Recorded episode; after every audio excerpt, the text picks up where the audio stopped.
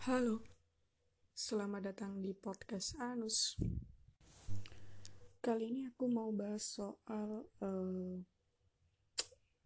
oh ya, by the way, aku happy banget sih sebenarnya. Happy karena kema minggu lalu sih, minggu lalu tuh aku baru beli digital downloadnya Adriano Colby uh, special show stand up comedy uh, dua special show uh, yang lo pikir lo keren tahun 2017 sama tahu deh yang pinter 2019 nonton itu tuh kayak anjir gokil. Itu happy banget sih nonton itu. Dan kayak oh nggak kebayang sih euforia kalau datang langsung tuh gimana. Anyway aku ngikutin Ad Adriano itu udah dari tahun 2000 kayak 2018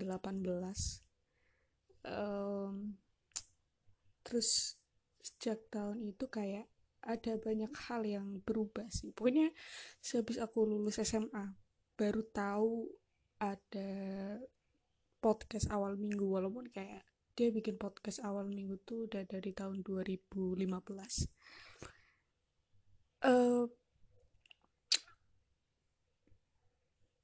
dan karena aku mikir sih kayak sejak saat itu ada banyak hal yang berubah dari struktur berpikirku sudut pandang gimana cara menghadapi hidup. Ya walaupun nggak cuman dari dia sih tapi ada banyak influence dari dia.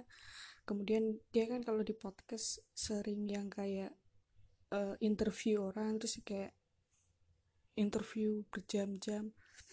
Aku sering dapat point of view point of view baru sih. Entah dari dia atau dari uh, bintang tamunya gitu ada banyak yang berubah dan uh, lebih sehat secara mental. Walaupun kayak ya awalnya marah-marah apalah maksudnya bukan marah-marah gue karena dia tuh selalu ngambil sudut pandang yang berbeda terus kayak aku ngelihat sesuatu yang ada di masyarakat tuh juga dari sudut pandang yang berbeda terus kayak sering kayak eh kenapa gini kenapa itu apa dan lain-lain. Tapi di sisi lain itu juga baik banget gitu untuk untuk kesehatan mentalku sendiri gitu. Ada banyak hal yang mulai berubah apalah.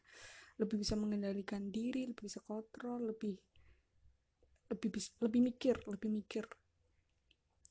Dan kayak aku nggak kebayang kalau aku tahu dia dari tahun 2015 itu gitu. Kayak 2015 berarti aku masih ah SM, SMA kelas 1 baru masuk SMA kalau aku tahu dia kayaknya aku nggak punya teman.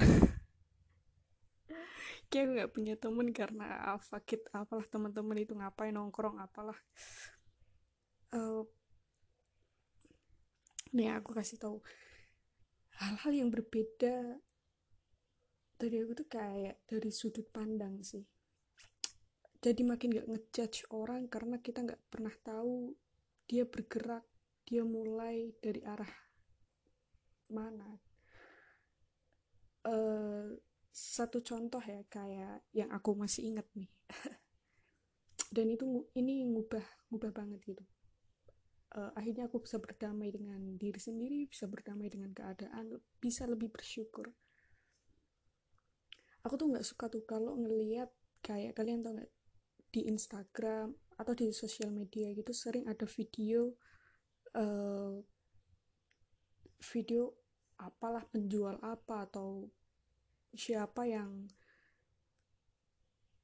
uh, kesusahan gitu. Kayak oh aku pernah lihat video kayak nenek-nenek hujan deras masih di jalan dia jual apa gitu tapi dia masih bertahan di situ. Terus kayak di captionnya itu ada yang bilang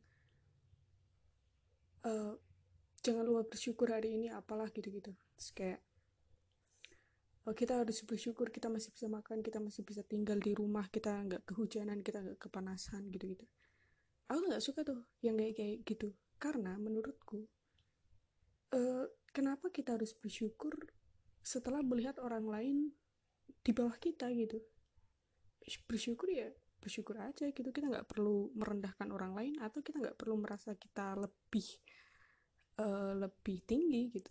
Kita nggak perlu mensyukuri apa yang kita dapat hari ini dengan kita melihat orang lain yang masih kelaparan gitu. Nggak apa-apa kita bersyukur ya bersyukur aja. Kalau kita harus melihat yang lebih rendah dibanding kita kemudian kita meninggikan diri kita sendiri kemudian baru bersyukur itu bukan bersyukur sih. Itu angkuh namanya. Atau kayak gitu ya? Atau kalian harus nyari objek lain untuk bersyukur gitu. Ngelihat ah dia lebih miskin baru kita bersyukur. Dia lebih bodoh baru kita bersyukur. Dia lebih jelek baru kita bersyukur. Kenapa nggak kita bersyukur aja kita nggak perlu ada kalimat. Karena orang lain di sana jauh lebih susah. Kenapa harus ada itunya? Kenapa gak ya udah bersyukur bersyukur aja gitu. Itu terus kayak aku tuh jadi ngerti gitu. Uh, dulu dulu zaman SMA aku pernah ketemu sama orang terus dia bilang ada orang ber, sudah bisa bersyukur uh, dengan level yang terlalu tinggi lah. Dia kayak dia mensyukuri uh, setiap nafasnya dia mensyukuri setiap kedipan matanya. Punya dia bisa hampir bisa melayang berjalan karena dia sangat bersyukur dia mensyukuri dari hal-hal kecil gitu. Ya itu terus kayak sekarang tuh aku mikir kayak uh, jadi lebih ngerti sih uh, Tuhan itu memberikan jawaban dari setiap doa kita, dari setiap permasalahan kita, itu nggak bisa ditebak. Dan kita nggak boleh menuntut Tuhan, kenapa aku masalahnya ini kok nggak dikasih solusi, bla bla bla. Kita perlu menggeser sudut pandang kita gitu terhadap niatan Tuhan. Kita nggak pernah tahu niatan Tuhan itu seperti apa dan kita cuma bisa menebak-nebak. Uh, dan memang kita harus terus menerus menebak sampai akhirnya kita nemu. Jangan kita berhenti di tebakan yang menyalahkan Tuhan kayak misalkan gini nih uh, kalau aku nggak punya uang misalkan uh, kayak kuliah lah kuliah. Kalau kita nggak punya uang untuk membayar kuliah kita atau kurang atau apalah kita kesusahan dalam membayar uang kuliah kita berdoa dong ke Tuhan supaya Tuhan ngasih kita rezeki untuk bisa kita membayar uang kuliah.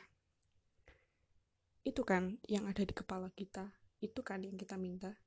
Tapi kadang Tuhan tuh punya cara lain gitu.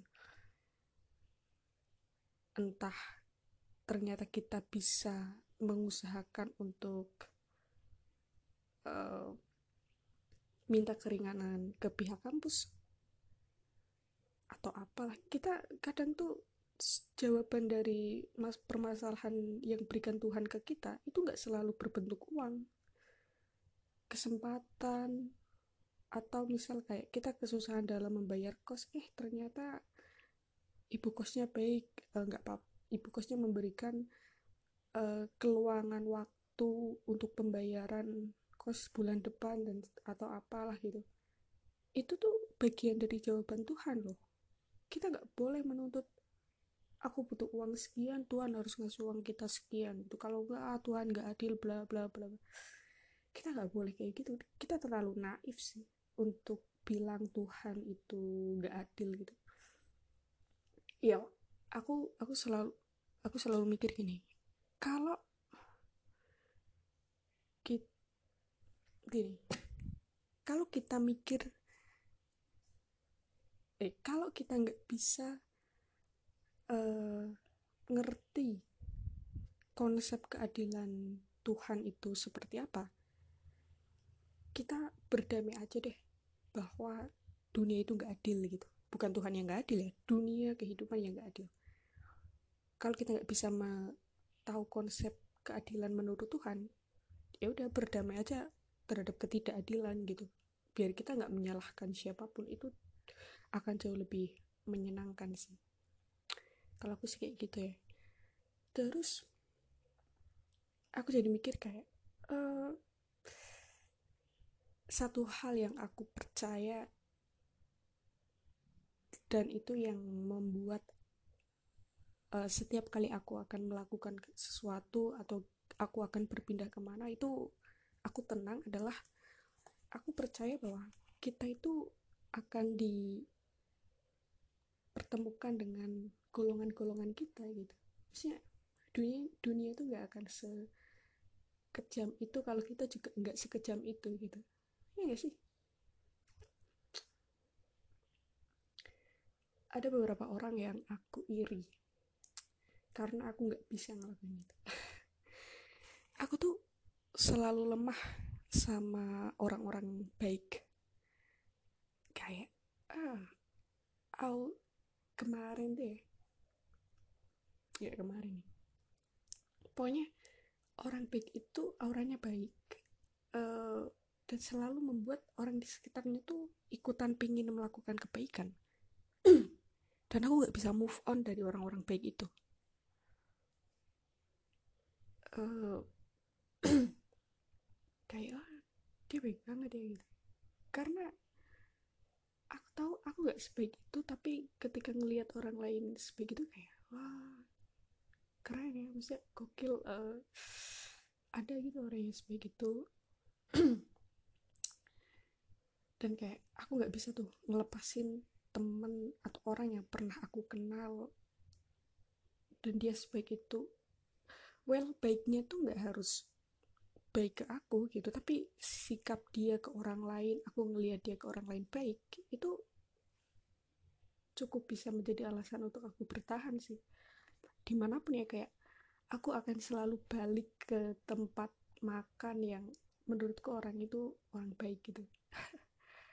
Akan selalu balik lagi balik lagi itu. Ya aku nom makanan harga itu nomor dua yang penting. Orangnya dulu deh yang baik.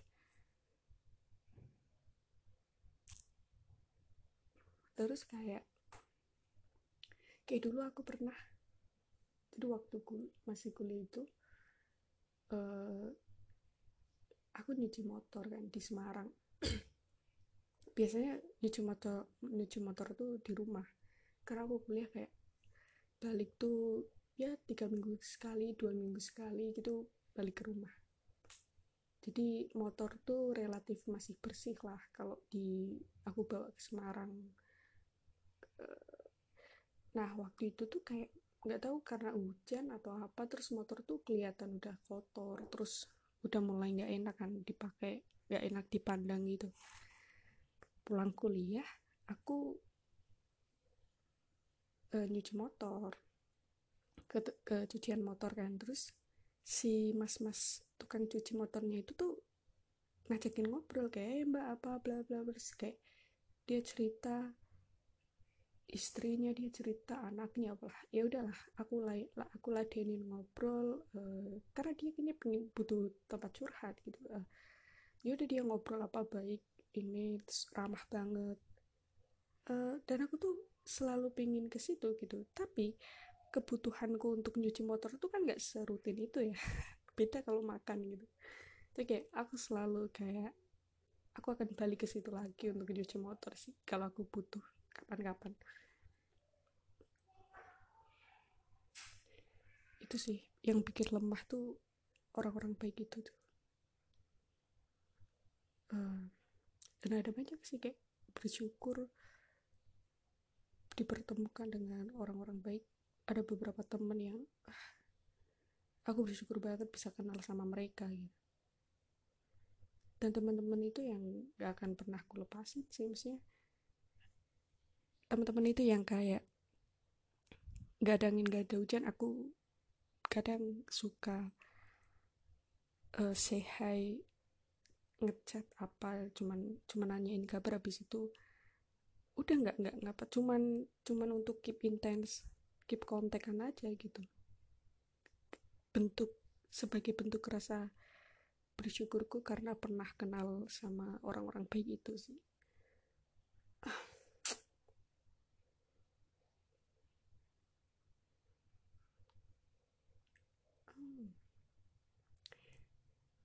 dan menghadapi masalah yang sedang kita hadapi kayak ah, apa ya. Oke udah deh. Itu aja 15 menit. Thank you semuanya. Deh